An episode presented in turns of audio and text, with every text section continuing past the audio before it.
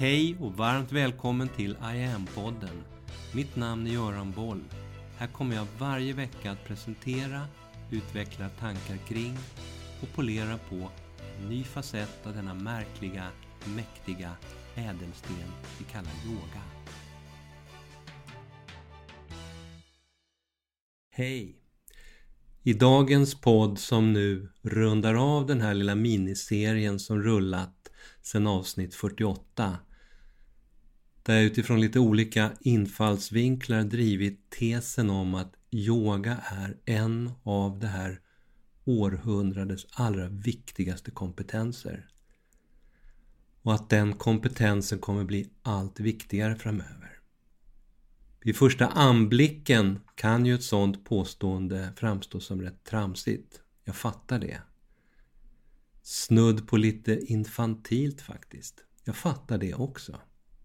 Jaha, så du menar att lite böj och töj, lite andning med vänster näsborre, humma några mantran, att det skulle vara den viktigaste kompetensen? Sure baby, vad har du rökt för något? Så kan man tänka. Så kan den oinformerade lätt tänka. Den som själv aldrig prövat. Men som läst någon eller några veckotidningsartiklar om hur diverse, diverse mediala kändisar använder yoga som någon slags allmän stresshantering och för att få lite snyggare, smidigare kroppar inför beach 22. Lite böj och töj. Jag sa ju det. Den som däremot lyssnat på de här senaste fyra poddavsnitten och som själv över tid utövat yoga har en lite mer djuplodande, en lite mer nyanserad bild av vad det här egentligen handlar om. En bild som visar på hur yogans resa till väst och sen runt om i världen de senaste hundra åren egentligen har sett ut och vad den har lett till fram till idag.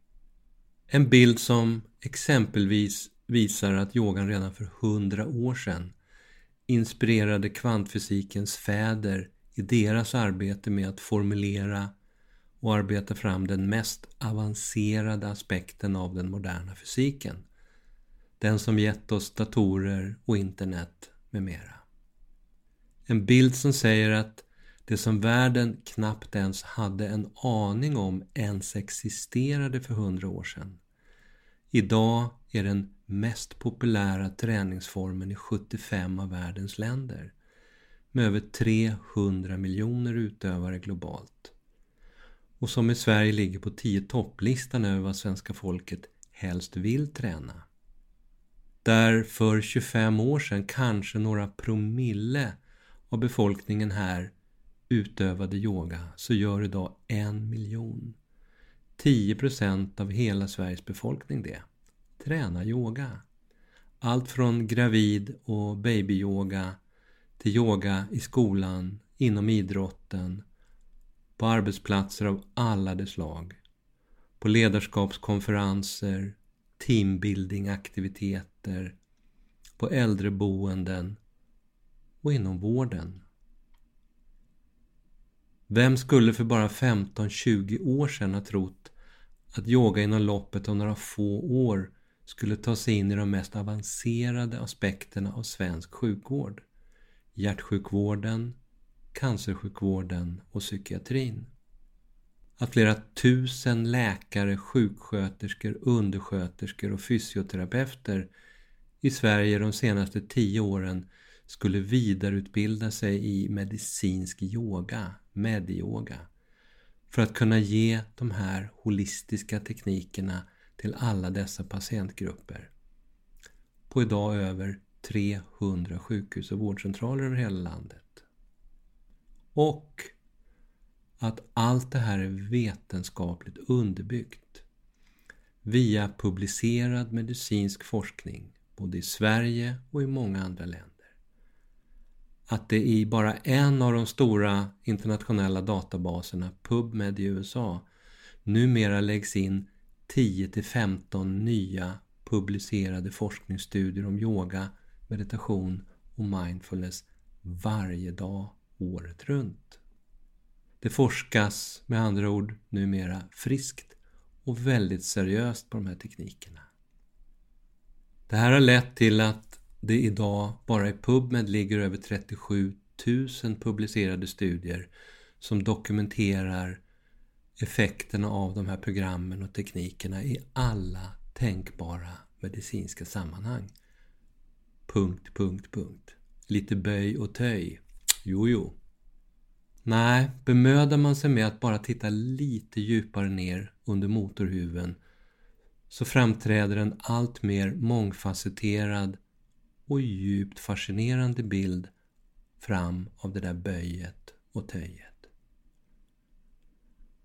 Och det är ju inte bara att den här i grunden helt fantastiska, smått ofattbara utvecklingen som jag just har beskrivit är resultatet av välvilligt inställd statlig styrning och generösa kommunala bidrag. Nej, det här handlar om att yoga av helt egen kraft. Till och med aktivt motarbetad av diverse krafter eller åtminstone förlöjligad och fnissad åt som varande navelskåderi, hippieflum och liknande.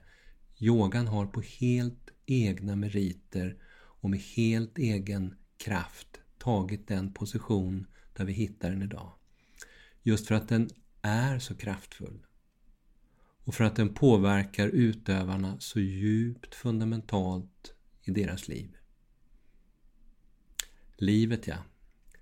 Livet som vi ju alla tycker gärna skulle få handla om lite mer än att bara ta sig igenom den där stressiga arbetsdagen och kanske orka träna lite och kanske orka umgås lite. Livet skulle ju kunna få handla om mer än att scrolla på sociala medier och sen kollapsa i soffan, oroa sig för världen, där klimatförsämringsrekorden nu slås på löpande band, fyra nya rekord under förra året 2021 och med 50 grader varmt i Indien igen. Där 75 personer i timmen dör av svält i östra Afrika nu i maj 2022. Och 9 miljoner människor, nästan ett helt Sverige, dör i förtid varje år på grund av globala luftföroreningar. Det är tre gånger så många dödsfall som av covid de sista två åren. Och så Putin, och Ukraina och NATO och skenande inflation med brant stigande kostnader och så slötitta lite på den reklamutspädda skit på TV som av någon outgrundlig anledning kallas underhållning. Vi vill ju må bra i våra liv. Vi vill ju uppleva stabilitet och balans i tillvaron. Vi vill känna lust, nyfikenhet, eller hur? Vi vill kunna höja blicken lite. Men hur ska det gå till? Hur ska vi få till det? Hur ska vi hinna? Hur ska vi orka? Det yogiska svaret här, det är att lyssna mindre på alla yttre aktörer. Deras agendor för dig handlar alltid och enbart om vad som är bra för dem. Aldrig vad som är bra för dig. Vad de än säger, hur förföriskt de än lindar in det, Lyssna istället mer till den där största, viktigaste auktoriteten i ditt liv. Du själv. Du behöver antagligen träna upp dig på den fronten. Prova att lyssna lite djupare. Vad säger den där inre kompassen egentligen? Yoga och meditation är genvägar till den där inre kompassen. En av tio svenskar utövar yoga idag. Befinner du dig där eller är du del utav kategorin 9 av 10 som ännu inte testat?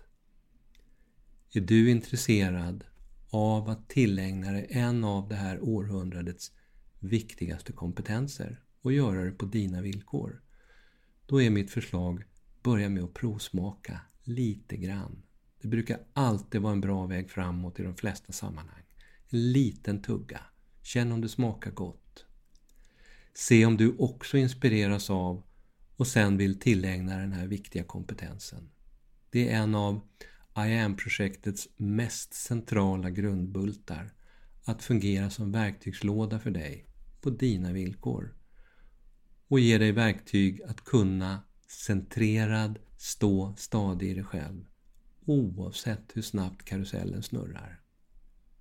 Testa iamyoga.online En månad utan kostnad, utan bindning, no strings attached. Bilda dig din egen uppfattning. I tjänsten finns allt, från ett enskilt guidat yogiskt andetag via korta sekvenser med tre övningar i varje, så kallade trinities. Det är både kortare och längre yogapass, meditationer, självstudiekurser, strömmad musik med mera. Varmt välkommen att testa! I och med det här så rundar jag nu av det här poddavsnittet och den här temaserien Århundradets viktigaste kompetens som har gått sedan podd 48 och framåt. Och nu vill, som vanligt, min katt Tao förmedla ett av sina budskap. Han tycker övergripande först att det är en viss strukturell obalans i fördelningen honom och mig emellan här i podden. Han tycker att jag oemotsagd får vräka ur mig om allt möjligt i minst 10 minuter och han får ett par meningar på slutet. Faktum är att han, Tao, återkommande muttrar över det här. Han tycker jag borde tråkas ihjäl för länge sedan av att höra min egen lite gnälliga röst i så stora doser. Det var det, hälsar Tao. Han behöver inte säga mer. Less is more. Ett faktum som jag borde begrunda lite mer på djupet, säger Tao. Så vi får se om vi alls hörs i nästa vecka och hur långt i så fall som det avsnittet blir. Det är ju Tau som hanterar det tematiska i poddarna så jag vet inte exakt riktigt vad vi kommer prata om.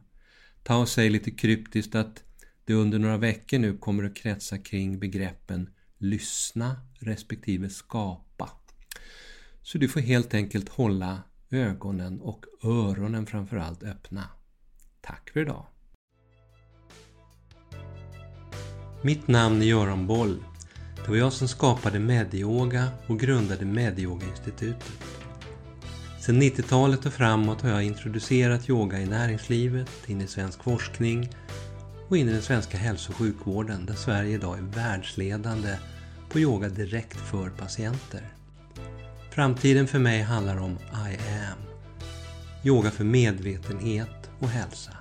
Läs mer om kurser, online-träning, utbildningar med mera på hemsidan iamyoga.online. Följ oss gärna på sociala medier och tycker du om de här poddarna så tar jag tacksamt emot om du vill gå in på iTunes, Spotify och där poddar finns och ge mig ett betyg så vi blir fler som hittar in i yogans värld. Tack för att du lyssnar och delar.